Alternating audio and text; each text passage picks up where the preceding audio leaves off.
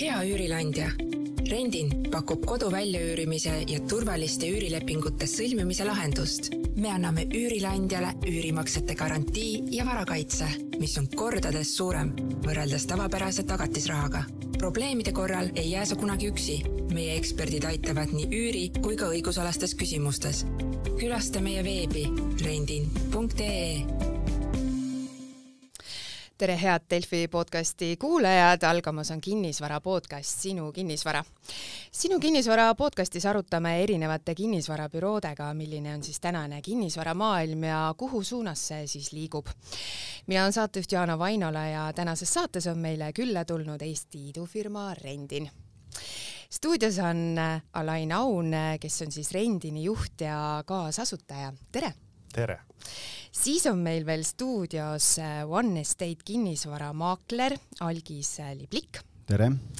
tere ja Markus Alfred Kõiv, kes on äh, investor, üürileandja ja tegelikult sa ütlesid, et sa oled juba õpipoiss ka hindaja ametikohal. jah, õige, tere tere tulemast! no ma vaatasin teie kodulehel natukene kommentaare ja seal on äh, Martin Villing öelnud, et äh, Rendin on äh, deposiidivaba üürilepingu teenus, mis pakub väärtust nii üürnikule, maaklerile kui ka korteri omanikule. hästi ilusad sõnad. millise platvormiga siis tegemist on ja, ja kuidas te tegelikult inimesi igapäevaselt siis aitate? Täpselt nii ongi, me näeme ennast praegu sisuliselt ökosüsteemina uh, -huh. kus äh, me pingutame kõigest väest, et tuua väärtust absoluutselt igale osapoolele, nii üürileandjale, üürnikule kui ka maaklerile. üürileandjale on siis võrreldes tavapärase tagatisrahaga kordades-kordades suurem kaitse, äh, üürileandja ei ole üksi, kui midagi juhtub, ta annab meile teada probleemidest ja me aitame, juhime, suuname vahendame, oleme ombudsmanid, äh, üürnikule võlanõustajad, mis, mis iganes on tarvis, et seda probleemi lahendada. meie üürnikud saavad äh, üürida siis tagatisraha maksmata ja me oleme loonud tööriista, mis lihtsustab, ma usun, et Algis kinnitab, ka maakleri elu kordades. kaua sa oled niimoodi tegutsenud selle firmaga? kogu see lugu algas äh, peaaegu kolm aastat tagasi, aga kuna see probleem, mida me lahendame, on ülimalt keeruline, kompleksne, vajab väga palju investeeringuid, väga palju tarku inimesi mm, -hmm. siis äh, noh, turul me oleme veits rohkem kui kaks aastat, kaks pool vist saab täis kohe ehk me tulime siis, kui koroonakriis algas. Äh, nüüd, nüüd, nüüd tuleb uus kriis peale, et me, me väljaspool kriisi ei ole, ei oskagi tegutseda. aga kuidas sa tulid selle peale, et oled sa ise selles mõttes kinnisvaras nagu olnud kogu aeg äh, olemas, käpp on seal sees ja mõtlesid, et vot sellist asja nüüd on siia turule ja, vaja? minu, minu äh, siis kinnisvara või siis üüri ajalugu on järgmine, et, et ma olen ühe korra olnud üürileandja äh,, mis oli ülimalt kurb lugu, see korter asus teises linnas, mul ei olnud aega sellega tegeleda.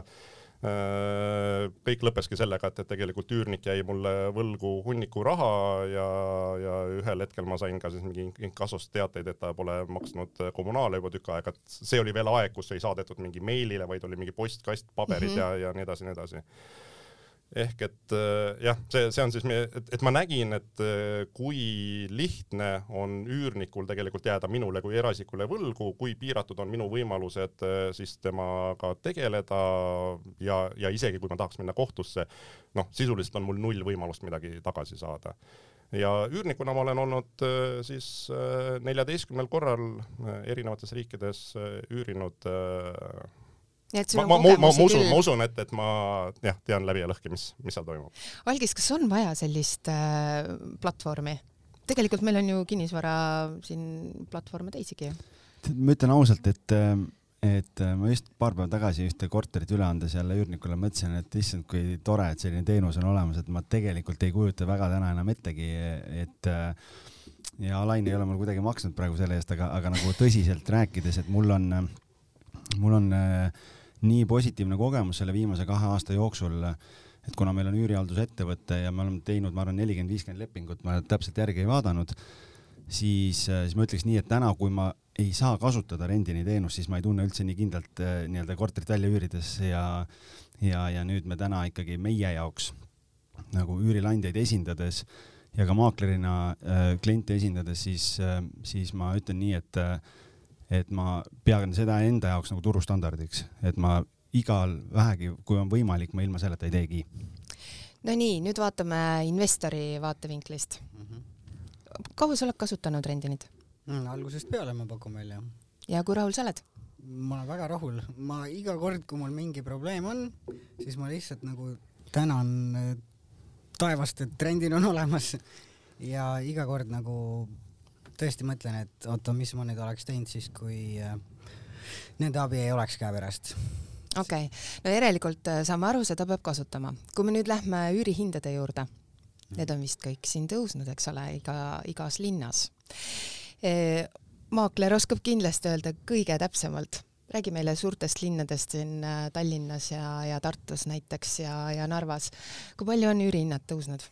Ma Tartut ja Narvat ei tea, sest meie täna oleme ainult okay. Tallinnas mm. -hmm. ma küll tegin natukene kodutööd, et ma vaatasin lihtsalt, mis need üüritasemed seal on, onju, et me oleme ise meil on Pärnus kaks korterit endal investoritena, et seda poolt natukene tean, aga, aga no Tallinnas täna on ikkagi niimoodi, et äh, odavama segmendi korterid äh, on, on läinud üles siin kümme-viisteist protsenti viimase poole aasta jooksul, vähemalt kümme-viisteist protsenti, et, äh, et siin just eile, eile andis kolleeg ühe korteri üle, kus me jaanuaris andsime üürile äh, neljasaja viiekümne euroga ja see on seitsmeteistruudune stuudiokorter Tallinna kesklinnas ja uues majas ja ja üürnikul tekkis terviseprobleemid, ta oli Tartust pärit, pidi, pidi koju tagasi kolima, et mm -hmm. ei saanud tööd jätkata Tallinnas ja leidsime uue üürniku kolme päevaga neljasaja üheksakümne viiega. nii et, et kümme protsenti lihtsalt mitte kuskilt, et täna mhm. turg ikkagi odavama korterite segmendis on, on väga-väga defitsiidis ja, ja seal leiab üürniku suhteliselt kiiresti, see muidugi ainult selle peale mängida ei saa, et et tänu Ukraina äh, mingitele põgenikele nüüd siin see pidu igavesti kestab, et loodame, et nendel inimestel on ikkagi võimalus äh, varsti koju tagasi minna mm, -hmm. mitte et meil midagi nende vastu oleks, onju, aga, aga lihtsalt noh, et nad saavad minna ja, ja oma kodumaal olla. et, et praegu on selles mõttes üürihinnad tõusnud äh, ka kallimas segmendis tegelikult, et üüriturg defi-, tervikuna ikkagi täna on defitsiidis, et noh, kui Tallinnas tavaliselt on pakkumist selline tuhat kuni tuhat kolmsada korterit, siis vahepeal kukkus ta seitsmesaja peale, noh nüüd on ta seal kaheksasaja, üheksasaja vahel et see näitab selgelt et, et, et kolmkümmend protsenti on turult kadunud ja see automaatselt iga defitsiitne olukord kohe tekitab hinnasurve. hindaja seisukohalt, et äh, mis need hinnad teevad siin üüriturul praegu? Üüriturul mm, -hmm. üüriturul ilmselt tõusevad ja tõusevad ka jah, müügihinnad, aga ma tooks ühe hästi praktilise ja, näite äh, selle üüri tõstmise osas ja rendiniga seotud mm, -hmm. nagu üürileandja seisukohast oli just situatsioon, kus mõtlesin, et ma pean nüüd ka tõstma äh, üüri ühes mikrokorteris ja mõtlesin, et kuidas seda siis korrektne teha on äh,. võtsin rendiniga ühendust, seal on hästi mugav äh, kliendi tugi äh,. Kohe Facebookis klõbistasin küsimuse, sealt vastati, et äh, jah, saad tõsta sellistel tingimustel, seal oli mingi neli punkti, mis ma pidin nagu ära kajastama selles teates, noh a la, et kust üürnik saab äh, Äh, kuidas ta saab vaidlustada ja, ja miks ma tõstan. Ja konkreetsed punktid öeldi mulle. Mhm. -huh. panin need punktid teele, üürnik oli nõus, mina ütlesin rendiline, üürnik on nõus, rendin on ühteviisi ka nagu sekretär mul. Mhm. -huh. Nemad äh, tegid kohe lepingusse lisa uh mhm. -huh. ja saatsid äh, ühe klikiga nagu teate meili peale, kus siis oodatakse allkirjastama mõlemat osapoolt klikk-klikk, noh, see protsess võttis nagu minuteid, eks ole, ja kõik on hästi. et selles mõttes ma noh, tahtsin öelda, et, et selle üüritõusu pealt nagu peab arvestama noh, ka mingeid nüansse, aga kui ma ei oleks näiteks teadlik üürileandja, siis ma võin teha selle tõusu küll, aga see võib olla ebaseaduslik. ja, ja ütleme, et üürilevõtja, noh, üürnik kui ta juba näeb, et ma olen rendiniga suhelnud sel teemal, siis tal on ilmselt ka nagu kindlam tunne, et ahah, nojah, et ju siis on niimoodi kõik hästi, onju, mhm. just. nii, kui ma nüüd tahaksin endale korterit äh, üürida, millest ma siis äh, alustan, et äh, kas ma pean ka Facebooki minema? küsimus number üks, kas sa tahad ise näidata või on sul maakleri abi tarvis mm,? ma arvan, et maakleri abi siis, siis äh, räägi, räägi, räägi kontakti jagada. jah, räägi algisega ja kõik toimib nagu. okei okay,, aga mõlemad variandid, et kui mul on maakleriabi äh, tarvis, siis ma räägin maakleriga, aga kui ma leian, et ma saan ise hakkama, mis ma siis teen? Me, me näeme praegu, et, et meile tuleb sisse palju üürileandjaid, need, kes on äh, justkui toimetanud siis nagu väljaspool seda ametlikku või väljaspool kinnisvaraportaale mm. -hmm. ehk et me oleme avastanud suure turu, mis on äh, mis on äh, tavasilma eest peidus, mis ongi noh, ühest küljest on jah, muidugi sotsiaalmeedia, aga mis on hästi palju nagu lihtsalt inimeselt inimesele, tuttavalt tuttavale, keegi tahab Tartust Tallinnasse kolida, räägib kellelegi, see räägib kellelegi mm, -hmm. juba inimesed saavad kokku ja, ja leping äh, ehk et see analüüsi moment või et, et ma vaatan nagu sadat võimalikku varianti, siis see on väga paljudel juhtudel nagu üldse väljas. ja teine on siis äh, suurettevõtted, sisemised Slacki kanalid ja, ja nii edasi me näeme, et, et me puudutame neid üürileandjaid päris palju. Nad tule-, siis nende puhul, nad tulevad meie kodulehele, me küsime natukene andmeid ja siis me toome neile ise kandidaadid. meile tuleb sisse praegu ikkagi nagu tööstuslikes kogustes üürnikke, kes läbivad meie taustakontrolli. ma väidaks, et, et praegu mingi suurusjärk seitsekümmend protsenti inimestest, kes otsivad endale kodu, ühel või teisel moel käivad läbi meie meie platvormi. kui ma nüüd pöördun maakleri poole, eh, et mul oleks nüüd üürikorterit vaja, siis äh, mis sa teed siis minuga, et äh, ikka läbi rendini? ja no see protsess näeb lihtsustatult ja lühidalt öeldes välja selline, et kui sa tuled korterit vaatama, näitan korteri ära, kui sa ütled, et sa soovid üürida, siis ma saadan sulle eraldi emaili, kus ma palun sinu isikut tõendava dokumendi koopiat ja nõusolekut, et ma võin sinu tausta kontrollida selles ulatuses, mis mul on vaja. lisaks ma saadan rendini, noh, igal nii-öelda korteril oma unikaalne link, mis tekib, kui ma loon selle nii-öelda lepingu nende mm -hmm. keskkonnas mm. -hmm. saadan sulle selle lingi, sa täidad seal ankeedi ära, siis rendin teeb omapoolse taustakontrolli ära ja siis, äh, kui see protsess on tehtud, äh, sina osutud valituks, siis läheb sulle vahendustasu arve välja ja, ja, ja sealt edasi on juba lepingu vormistamine. mis see taustakontroll siis on, et äh, kus kohas sa kontrollid, et milline inimene ma siis olen? rending küll teeb ise ka krediidiinfo baasil ära mm, -hmm. aga kuna mina vastutan omaniku ees, siis mina teen ise ka, et olla kindel, et kõik on korras. teen krediidiinfo äh, lasen välja, vaatan PIS-noodest, vaatan üle, sest need on erinevad registrid, vaatan üle maksehäired, kõik asjad, kas on mingi kriminaalasju, loomulikult avalikud kanalid, kõik mhm. sotsiaalmeediad, Google, kõik asjad vaatad üle, mis inimese kohta välja tuleb ja ja meie jaoks on äh, ühtviisi oluline nii eraisiku käitumine kui ka, kui on ettevõtja, et tema ettevõtete taust oleks korras okei okay,, kui inimesel on nagu kümme ettevõtet ja sealt võib-olla ühel on mingi, mingi, ma ei tea, väike maksuvõlg või midagi, mhm. noh, see on nagu selline võib-olla noh, juhtub, onju aga kui et, inimesel on üks ettevõte ja see on nagu tugevalt punases või on kolm tükki ja kõik on punases, siis see näitab nagu inimese mingit makse, maksekäitumist või oskamatust finantsidega ümber käia ja, ja sellisel juhul me sellele inimesele lepingut ei paku. kas Rendin vaatab ka täpselt samadest allikatest, äh, kontrollib äh, inimese tausta või, või on veel midagi? Äh, meie protsess on suures plaanis järgmine, et kui sa näiteks läbi algise lingi siis kandideerid, äh, me teeme sellise esmase äh, esmase filtreeringu uh, mhm. -huh. kus äh, jah, tõsi, üks, üks suur osa sellest on nagu krediidiscooringul äh,, aga kuna me oleme ettevõte, kellel on väga palju üürilepinguid äh,, kes on läbinud väga palju neid iteratsioone, kus protsess algas, kestis ja lõppes, siis me äh, oleme ainukesed turul, kes tegelikult nagu näevad siis seost, ütleme selle algse skooringu ja lõpptulemuse vahel nende igasuguste probleemsete ja kurbade lugudega me oleme siis saanud hakata tegelikult nagu siis tagurpidi inseneerima seda skooringut ja kohandama seda enda enda protsessi jaoks, sest noh, ütleme kõik need skooringud on mõeldud tegelikult igasugustele laenufirmadele ja nende riskid on selgelt teistsugused, riskiportfellid on teistmoodi üles ehitatud, kui see on üüriturul täna siis, äh, kui sa kandideerid, äh,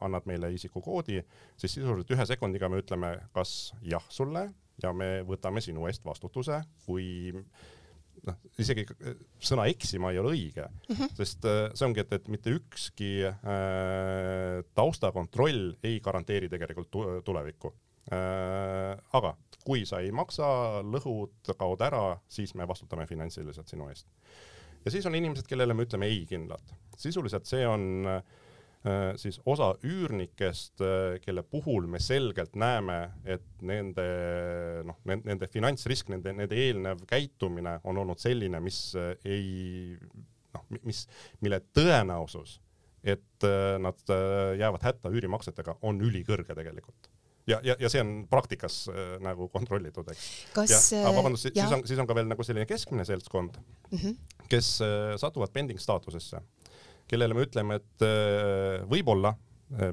see automaatkontrolli sa ei läbinud, äh, kui sa tead, et sul on päriselt kõik hästi, palun anna meile märku ja me vaatame sügavamalt sisse. Need on inimesed, kas, kellel ongi, ütleme, krediidiskoor on selline võib-olla staatuses või siis on välismaalased, kes on just Eestisse tulnud, siis me vaatame, kus inimene töötab. kohalikelt võib-olla me küsime ka pangaväljavõtet ja, ja analüüsime seda kas tegelikult nende inimeste arv on äh, tõusnud, kes ei läbi seda kadalippu mm. praegusel ajal või sa tegelikult näed, et äh, nende inimeste arv hakkab tõusma? see, see kindlasti hakkab tõusma. Jär-, järgmine aasta, kui me täpselt samal ajal räägime, siis äh, situatsioon turul on kindlasti teistsugune.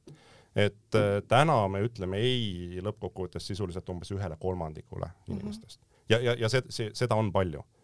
et äh, aga kahjuks Eesti äh, inimeste finantsseis on, ongi selline na, nagu on. Ja noh, ütleme, et, et ka siis, kui, kui tehes nagu kõikvõimalikud äh, sammud, ka, ka see, mis algis teeb, me igati tervitame, eriti nagu tänases äh, turusituatsioonis, kus äh,, kui su korter on vähegi mõistlikult hinnatud, siis sa saad ikkagi palju kandidaate ju, et, et kuidas sa valid nende vahelt kellegi, sa, sa ongi, sa teed lisakontrolli, sa räägid, vaatad, tunnetad äh,, aga jah. ma saan, ma saan võib-olla siia lihtsalt lisada juurde veel seda, et miks tegelikult on nagu ülitänuvväärne teenus. et täpselt, et kui sul on selline, ma ei tea, neljasaja, viiesaja eurone korter ja sa paned selle ülesse, noh siis sinna tuleb, ma ei tea, kakskümmend, kolmkümmend, mõnikord äh, rohkem neid tahtjaid, siis lihtsalt äh, kõigile, enne kui meil üldse näitama minna, äh, siis kõigile läheb see ankeet et kõigepealt on vaja taustakontroll läbida ja need, kes taustakontrolli läbivad, need me kutsume korterit vaatama, mitte vastupidi, sellepärast et see säästab nii palju aega. et mul on siin äh, on siin äh, sõpru, kellel on olnud juhuseid, kus ma ei tea, esimesest kolmeteistkümnest kandidaadist kaksteist ei läbi taustakontrolli näiteks, et noh, siis nagu päris huvitav oleks, et mhm. paned seal terve tööpäeva ja siis tegelikult tulemust ei ole, onju. mul on näide taustakontrolli kohta, et äh, paljud inimesed mõtlevad, et taustakontroll on nagu mingi, mingi maagiline võluvits, mis, mis ongi, mis lõikab ära tulevikuprobleemid. see ei ole nii, sellepärast et jällegi, et ükskõik kui palju sa ei pinguta, ei ole võimalik tekitada situatsiooni, kus su tulevik on garanteeritud. Äh, ka maksehäired, näide, äh, inimesel on null maksehäiret, äh, kõik sotsiaalmeediakanalid, kõik, kõik, kõik on hästi, inimene on täiesti adekvaatne, räägib endast ilusasti, ütleb, et ta on hea maksekäitumisega, kõik on korras mm. -hmm varsti jääb ta võlgu, äh, kui see kõik see lugu lõpeb, äh, siis ta ei võta rohkem ühendust ja ehk me oleme sunnitud ta vastu kohtusse minema. kohtuprotsessi läbides, see ei ole liiga lihtne, võtab päris, päris palju aega ja raha, siis me võidame. see nõue läheb kohtutäiturile ja siis on meil seaduse järgi õigus küsida kohtutäiturilt infot, et kas on ka teisi võlausaldajaid. Ja me saame teada, et me oleme võlausaldajatest kolmekümne viiendal kohal. Wow.. ja vaadates uuesti registreid, äh, on in, endiselt sellel inimesel null maksehäiret, ehk et meie olime esimesed, kes siis äh, maksehäire üles panid. Markus, kas sinul on äh, tegelikult elu ikkagi lihtsam, et tehakse see taustakontroll ja kõik ära ja, ja süda on rahulikum? Jaa, absoluutselt, ma mõtlengi, et üürileandjana, mida mina sealt nagu võidan, on see, et äh, ma magan rahulikult, mul ei saa enam juhtuda olukordi, kus äh, üürnik otsustab, et oi, tead, et elu on muutunud ja ma pean nüüd ikka paari nädala pärast välja kolima, mida vanasti juhtus nagu noh, korduvalt.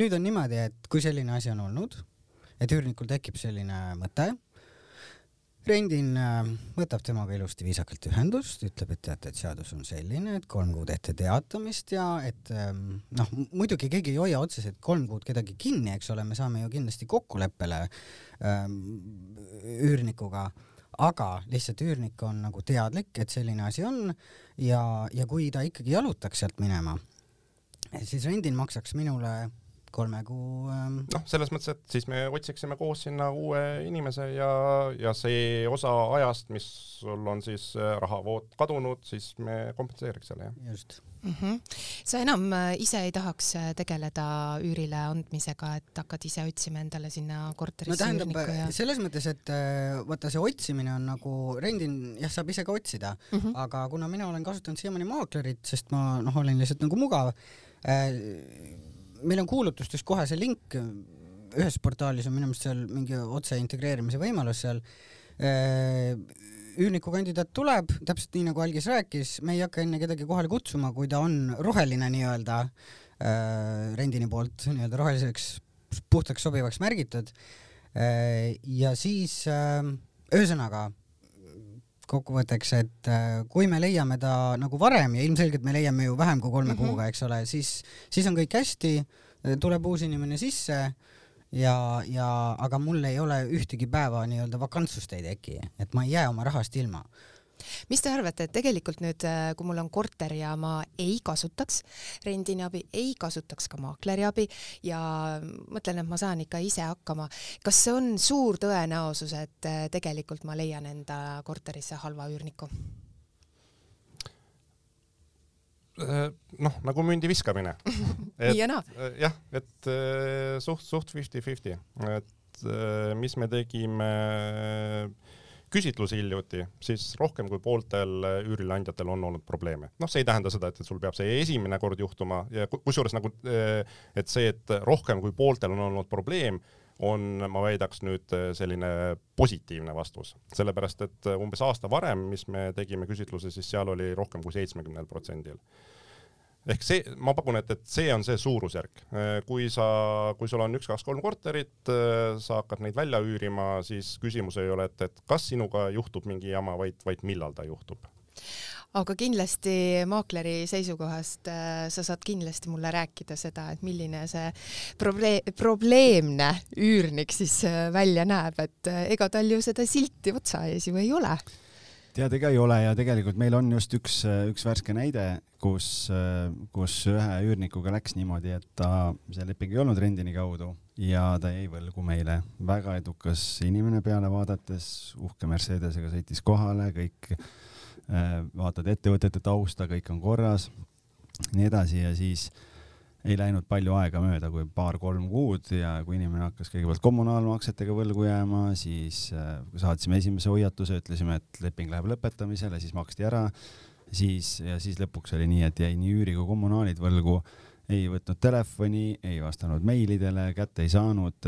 lõpuks saime nii kaugele siis vähemalt noh, alati kui tekib selline probleemne üürnik, siis on äh, kõige suurem küsimus on see, et kas sa saad oma korteri tagasi, et sa mm -hmm. jumala eest saad selle üürniku välja sealt, et äh, raha on raha, aga, aga val-, nagu, nagu kui, kui ta sealt välja ka ei lähe ja puhküürnikuks jääb, noh siis on nagu suurem probleem. Õnneks ta läks sealt ära. ja kuna oli ettevõtte nimeline leping ka veel, äh, siis ta suutis niimoodi skeemitada, et ta skeemitas ettevõtte punasesse, eemaldas ennast juhatusest, kuna selle konkreetse korteri puhul ei olnud äh, eraisiku või juhatuse liikme nii-öelda käendust sealjuures, siis tegelikult täna üürileandjal ei ole väga suurt äh, jõudu, et sellelt inimeselt üldse mingit raha saada, nii et lihtsalt võib-olla väike nii-öelda kogemusepõhine soovitus, et kui keegi soovib mõnele ettevõttele korterit üürida, siis võiks vähemalt kolme kuu deposiidi küsida. Ja, ja võtta selle juhatuse liikme isikliku käenduse sinna juurde veel, et kui mingid probleemid tekivad, siis ta vastutab solidaarselt äh, ettevõttega, et ei ole niimoodi, et lihtsalt pühin käed puhtaks ja lähen minema, nii et ega peale vaadates ei tea, ei nagu, nagu Alain enne ütles, et äh, see, see on, me teeme kõik maksimumi ära, mis on võimalik teha, aga päeva lõpuks on lihtsalt äh, nii-öelda fingers crossed ja loodad, et kõik läheb hästi. sa küll juba mainisid seda puuküürnikku ka, aga no kui ta ei lähe mul seal korterist välja, mis me siis teeme? Noh, selle kohta kindlasti ma võin tuua ühe näite, kuidas me tänu rendinile saime ühest sellisest inimesest äh, nii-öelda lahti, et äh, et äh, meil tekkis, tekkis samamoodi jälle üks et, ettevõtja ja, ja tekkis tal makseprobleemid ja, ja siis ta ei tahtnud meiega kuidagi suhelda, siis ma lõpuks sain, kui ma saatsin talle erakorralise lepingu lõpetamise teate välja, rendiniga suhtlesin täpselt jälle, et kuidas nemad soovitavad, mis järjekorras me asju teeme, kuidas me teeme. Nendel on omal olemas kindlad blanketid, asjad, kuhu sa paned vastava info ja ja siis süsteemist läheb nagu see teade välja. ja siis äh, äh kui saabus, me andsime siis nii-öelda neliteist päeva aega välja kolida ja erakorralise lõpetamise teade ja, ja siis ma neljateistkümnendal päeval helistasin, et ma nüüd või kolmeteistkümnendal, et ma nüüd tulen valdust vastu võtma, et mis kell sulle sobib kohtuda, siis ta võttis vastu rääkis mulle pika südantlõhestava loo, kuidas, kuidas ja miks ta ei saa maksta, aga kohe hakkavad suured rahad tulema, et, et kohe saab kõik korda.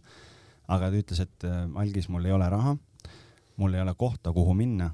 nii et ma tean ja mitte pahatahtlikult, vaid inimene oligi nurka surutud, ütles, et aga ma tean, et sa ei saa mind tänavale tõsta. ja siis ei jäänud muud üle, kui ma helistasin rendini ja rääkisin mure ära ja, ja ma ei tea, mis imeasju nad teevad seal, aga nädala ajaga oli see inimene korterist väljas, me saime valduse kätte ja see võlgnevus oli suur, äh, aga tänu sellele, et meil oli rendini kaudu leping, me saime selle võlgnevuse, saime kätte ja, ja tegelikult oli ka varalist kahju seal üle kahe tuhande euro ja tegelikult äh, katsid nad ka selle ära, nii et äh, et üürileandja esindajana ma ütlen nagu super, et, et nagu ja see ja need kogemused ongi need noh, miks ma täna mõtlen, et, et ma ei näe väga variante, miks me peaksime tahtma teha lepingut meie halduses olevatele korteritele ilma rendinita üldse. mida imet siis rendin teeb, kuidas te välja saite selle puuküürniku?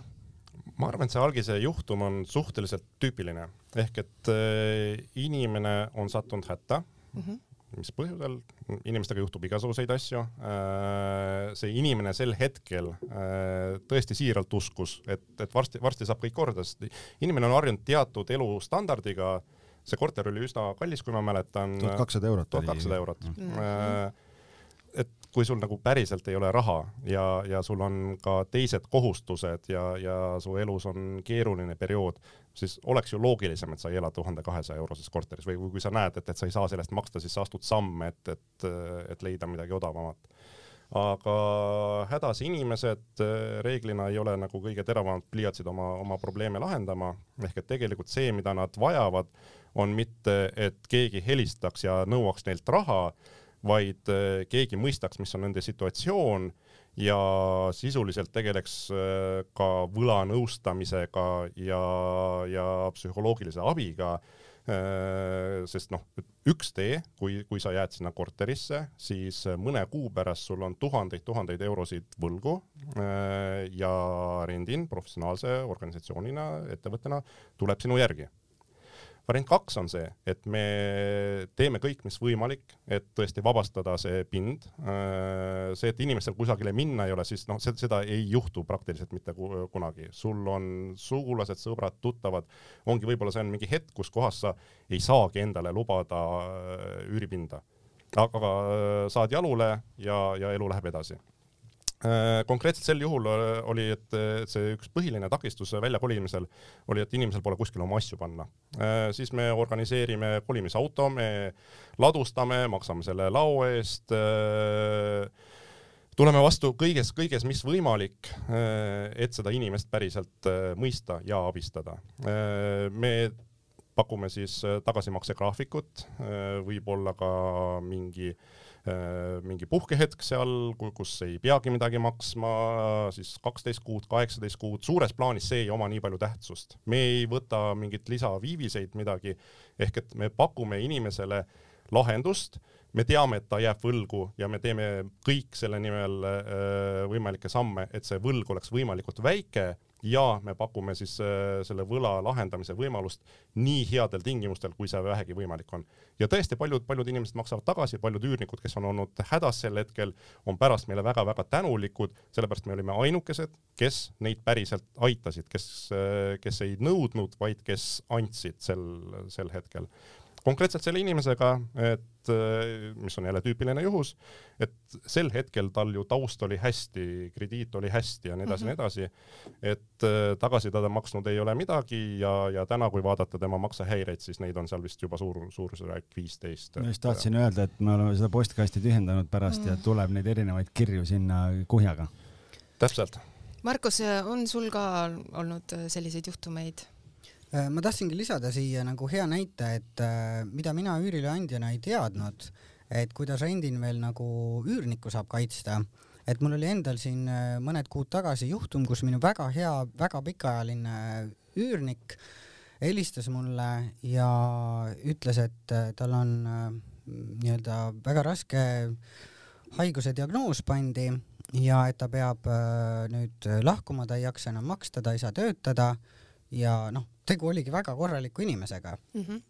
ja, ja siis ma mõtlesin, et mis siis nüüd saab ja võtsin Rendiniga ühendust ja siis selgus selline tore fakt, et Rendin äh, kaitseb äh, nii-öelda haigeks jäänud üürnikku sellega, et äh, tasub veel ekstra ühe kuu tema kulud nagu pärast. et see protsess on meil hetkel veel pooleli, aga põhimõtteliselt teadmiseks, et ma loodan, ma nüüd ei eksinud mingite faktidega, aga sellist asja, noh, ma ei tea küll, mis süsteemiga veel peale rendini keegi nagu teeks. mis see, mis see tähendab täpselt? no sisuliselt, kui me näeme, et, et inimene on sattunud hätta, et, et see põhiline point on siis sissetulekute kaotus see, tõsi, see ei puuduta ettevõtjaid, vaid see inimene peab olema siis kusagil töötaja ta, ja ta peab jääma töötuks kas äh, mingi terviserikke tõttu või, või mida, mida, midagi selle taolist. ehk et äh, kui see inimene vastab tingimustele ja samamoodi äh, kõige tähtsam on, sul on probleem, palun teavita, palun teavita üürileandjat, rendinit ja me koos leiame lahenduse. ongi, et, et kui inimene on tõsiselt haige, siis ju mit, ja, ja, ja ta sissetulekud langevad, mitte keegi ei taha ju kivist vett välja pigistada ja, ja inimesel, kes on niigi hädas, teha veel midagi halvemat. siis me kõik koos leiame lahenduse võib juhtuda, et tal on äh, sissetulekutega või, või tal on, ma ei tea, tal on piisavalt raha, et, et lubada seda äh, äh, pinda endale, siis ta ei pea välja kolima, aga kui ta peaks välja kolima, astub kõik sammud äh,, ei jää võlgu, siis tõesti me kompenseerime selle viimase kuu äh, üüri ja kõrvalkulud. aga siit teeme saatesse väikese pausi. hea üürileandja Rendin pakub kodu väljaüürimise ja turvaliste üürilepingute sõlmimise lahendust. me anname üürileandjale üürimaksete garantii ja varakaitse, mis on kordades suurem võrreldes tavapärase tagatisrahaga. probleemide korral ei jää sa kunagi üksi. meie eksperdid aitavad nii üüri kui ka õigusalastes küsimustes. külasta meie veebi rendin.ee ja olemegi tagasi ja räägime täna Rendinist mis te arvate, miks need üürikahjud tekivad? sa mõtled äh, varalist kahju või? just. noh, need näited, mis meil on, et ega seal reeglina nagu pahatahtlikkust ei ole, et äh, lihtsalt ma ei tea, kellelgi juhtub kuskil midagi, kolitakse kogemata, keegi tõmbab lauanurgaga mingi suure kriimu kuskile seina peale või mingid sellised asjad või noh, antud seesama, tuleme selle sama näite juurde tagasi, kus see varaline kahju oli üle kahe tuhande euro. noh, see oli uus korter, kolmetoaline, et noh, mis seal siis tegelikult oli, et tegelikult ega seal oli erinevaid asju, et äh, oli seina külge kinnitatud näiteks mingi selline korktahvel onju kahepoolse, kahepoolse teibiga, niimoodi oli pandud terve see tahvli tagune täis ja siis kui ära võeti, siis oli ilus kärbseseen seina peal. Mm. -hmm noh, siis sein on vaja üle värvida, siis kuskil oli mingi sahtel ära lõhutud, siis oli veel pandud sinna mingid noh, nad olid mingid seda usku, et kuskil uste kohal olid mingid nii-öelda mingid äh, õnneinglid või mingid asjad onju jälle kahepoolse teibiga pandud, igalt poolt võtsime küll isegi ma ütlesin, et äh, üürnik ütles, et ma ei ulata, noh, ma ütlesin, ma võtan ise ära, aga kui kahju tekib, noh siis, siis see on nagu sinu, sinu vastutada, noh, siis sealt tuli jälle väikesed värvikesed ära. siis neil oli koer, koer oli hüpanud, äh, oli hüpanud ukselinki Eh, välisuksel olid kriimud peal ja, ja siis oli ühest kohast oli sein määrdunud, seal selgus, et koerapesa oli, nad vist koera väga ei pesnud, onju, ja sein oli selline ilusasti seal nagu pruuniks läinud ühe koha pealt ja noh, nipet-näpet ja kui kõik need ja, ja siis oli, oli voodi, üks voodimadrats oli kahjustatud, et seal oli mingi suur plekk peal ja prooviti keemiliselt puhastada, ei õnnestunud, pidime uue ostma ja, ja siis oli teismeline tütarlaps oli oli perekonnas, kes oli küüsi lakkinud äh, seal äh, nii-öelda kooli laua taga või kontori laua taga, mis tema toas oli ja siis seal oli siis atsetooniga puhastatud ja noh, ühesõnaga mingid värvikahjud ja asjad ja oli uus laud vaja osta, et noh, elust enesest asjad tegelikult mm -hmm. keegi halvasti midagi meelega ei tee mm. -hmm aga see kõik kokku oli tegelikult päris palju. aga kui tegelikult seal korteris nüüd, ma ei tea, lekivad mul torud ja kodumasinad lähevad katki, et eh, kas ma peaksin kohe maaklerit teavitama, kas ma peaksin omanikku teavitama, mis see õige käitumine on või siis noh no,, maakler reeglina astub ju vahelt ära, kui maakleri ülesanne on anda korter üle, kui see on nüüd meie halduses olev korter, siis meie tegeleme mm -hmm. nende mhm. muredega. kui ma olen nii-öelda Markuse maakler ja leian talle sinna üürniku ja siis mina astun vahelt välja, siis ikkagi kõik probleemid käivad otse üürnikult otse omanikule ja, ja, ja noh, kui on rending ka veel seotud, siis siis äh, omanik tõenäoliselt äh, teavitab ise rendini kohe, kui mingi probleem on. aga kas nad äh, teavitavad sind ikka ütleme niimoodi õigeaegselt või proovivad kuidagi salatseda? noh, nii ja naa, selles mõttes, et mõnikord inimene ei saa ise ka aru, mis ta seal korteris nagu teeb, et mul on ka mingi punase juuksevärviga terve korter koos olnud ja ma ei teagi, mis nad seal tegid. aga ütleme nüüd need äh, üürnikud, kes on väljapool Eestit, et siin saate alguses natukene me peatusime ka nende, nende teemadel, et kas täna on nii, et äh, tegelikult äh, üürileandja võib-olla väga ei usalda neid üürnikke, et, et ta ei tahaks oma korterit neile anda üürile või tegelikult ei ole probleemi? Arvestades meie seda IT mingite tippspetsialistide hulka, mis meil on siin viimase mingi viie aasta jooksul Tallinnasse tulnud, siis tegelikult ega välismaalane ei võrdu halb, et selles mõttes nagu välismaalasel ja välismaalasel on vahe jälle ja ja seal tuleb seda riski hinnata ja, ja eks see väga paljuski ikkagi sõltub ka sellest, millise segmendi korteritega toimetada, et kui Markus on seal nii-öelda väikeste ühikute segmendis ja odavamas otsas, siis tõenäoliselt need välismaalased, kes sinna kandideerivad ja need töökohad, kus nemad töötavad, seal on see risk äh, määratult suurem kui, kui, kui me räägime siin, ma ei tea, kaheksasajasest, tuhandesest, kahetuhandesest või kolmetuhandesest korterist. et seal on nagu väga selge vahe sees, aga täna otseselt äh, väga harvad on juhud, kus, äh, kus üürileandja ütleb, et, äh, et välismaalane ei, ei ole oodatud või, või, või ma ei tea, ukrainlane ei ole oodatud või, mhm. või kuidagi, et selles mõttes see ikkagi reeglina noh, näiteks üks värske juhus, mis meil oli, üürileandja ütles lihtsalt, et, et ta arvab, et näiteks ukrainlastele ei ole hea seda korterit üürida, sest kõrvalkorteris elab pensionäridest vene perekond mm. ja seal on nagu noh, et see emotsionaalselt lihtsalt ei klapi mm. omavahel, et noh, see on okei okay ja see on nagu põhjendatud. muul juhul nagu otseselt ma ei paneks sinna nagu võrdusmärki, et see kuidagi nagu halvem on kui eestlane, sest tihtipeale need välisspetsialistide sissetulekud on võrdlemisi kõrgemad kui Eesti omad, nii et, et see võib-olla on just nii-öelda kallimate korterite puhul nagu selline kindlam asi omaniku jaoks, kuigi mitte alati. Markus, sul on olnud ka üürnikke väljapool Eestit? ja on, on olnud ja on praegugi, praegu on üks Sri Lanka poiss elab ühes tillukeses korteris ja on olnud äh, erinevaid. kas tegelikult läbi rendini tuleb ka sellist tagasisidet, et äh, kui rahulolevad need äh, kliendid siis teenusega on? me tegime hiljuti äh, küsitluse, see on siis äh,, see formaat on Product Market Fit Survey mm, -hmm. kus küsitakse äh, siis kliendilt, konkreetselt üürileandjalt äh,, kuidas ta tunneks, kui sellist teenust enam olemas ei oleks. Siis vastuse variante on kolm, ümber fraseerides siis ükskõik siis oleks, oleks täitsa kahju või siis oleks väga kahju. Kui väga kahju vastajaid on üle neljakümne protsendi, siis äh, see justkui indikeerib, et sel toodel on siis äh, product market fit äh,. meil oli äkki kuuskümmend kolm, see kuuskümmend kuus kuuskümmend kuus oli see number ja tegelikult nagu siis omanike poolelt nagu üheksakümmend kaks protsenti olid need, kes ütlesid, et neil oleks vähemasti väga kahju või see piisavalt kahju, et, et sellist teenust ei ole. Praegu me oleme ehitanud erinevaid viise, kuidas siis jooksvalt eh, hinnata inimeste rahulolu selle teenusega ja just meil tootejuht üleeile jagas äh, Äh, jagas siis äh, sellist nagu net promoter äh, skoori viimaselt kuuekümne viielt üürileandjalt, kes on lepingusse läinud, siis see oli ülikõrge, põhimõtteliselt see oli selline nagu maailmaklassi tulemus. Aga kui nüüd Delfi kuulajad on oma mõtetes, et äh, kes siis just parasjagu otsib üürikorterit või siis kes tahab anda enda korteri üürile, siis äh, mis te annaksite, ütleme need mingid viis pidepunkti, äkki Markus, alustan sinust, et äh, mis su mõtted on, kuidas ta võiks tegutseda edasi? Te mõtlete nüüd üürileandja näiteks? näiteks et mis, mis, mis nõuandeid sina ja. annad üürileandjale või üürnikule? jah, no üürileandjale ma annan selle nõuande, et äh, kindlasti tasuks äh, kaaluda rendinit, et äh, noh, mõnikord küsitaksegi, et miks ma seda teen, siis ma ei oska vastata ühtegi põhjust, miks ma seda ei peaks tegema.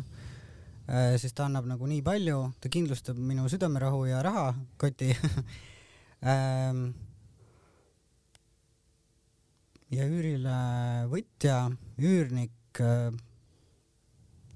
tema võiks ka nagu mõelda selle peale, et rendiniga on ta kaitstud ka nii-öelda mingite ootamatuste eest, eks ole? ootamatuste ja pahatahtliku või tead-, nii-öelda mitteteadliku üürileandja vastu mm. -hmm. mis see maakleri seisukoht oleks? Ma arvan, et ta su suures plaanis kattub selles mõttes, et ma eelkõige justkui nagu üürile, üürile võtja koha pealt nagu või noh, üürileandjast me oleme nii palju rääkinud ja, ja kui ma veel hakkan kiidulaulusid laulma, siis läheb natukene võib-olla juba imelikuks, sest ma ise nagu tõesti selle toote fänn, aga aga kui nagu rääkida üürnikele, siis siis tegelikult noh, minu meelest see on nagu geniaalne, et reeglina on see, kui, kui üürnik äh, kolib ju ühest korterist teise, siis kui sul üks üürileping lõpeb, sul on reeglina deposiit kinni, ma ei tea, nädal, kaks, neli, sõltuvalt lepingust. Ja siis sa pead uude kohta kolima, siis sa pead maksma uue deposiidi. et see on päris kulukas, esiteks. teiseks on see, et äh, et ega, ega see teenus ei ole turule tekkinud niisama, vaid ikkagi täna on arvestatav hulk üürileandjaid, kes üritavad äh, igatepidi üürniku, vabandust väljenduse eest, kottida mm, -hmm. et äh, kuskil on kriimud seina peal ja siis öeldakse, et me peame nüüd terve korteri üle värvima ja ei saagi sulle tagatisraha tagasi maksta. noh, siis tekib küsimus, et miks peaks üldse sellise sellise jamaga nagu äh, tegelema üürile äh, võtjana onju, et, et selles mõttes nagu Markus ütles, et noh, kui, kui sinu huvide eest ka seista, seistakse ja sa saad olla kindel, et see üürileping on mõlemale poolele ühtemoodi juriidiliselt pädev ja omanik ei ole sinna mingeid kahtlaseid asju sisse vuranud, siis, siis, siis äh, tegelikult täna on tekkinud juba neid üürileandjaid, kes ise küsivad, et kas rendini kaudu saab üürida, nii et, et alati ma soovitan, küsige ja, ja uurige. Alain, sinu nägemus üüriturust, kus me liigume?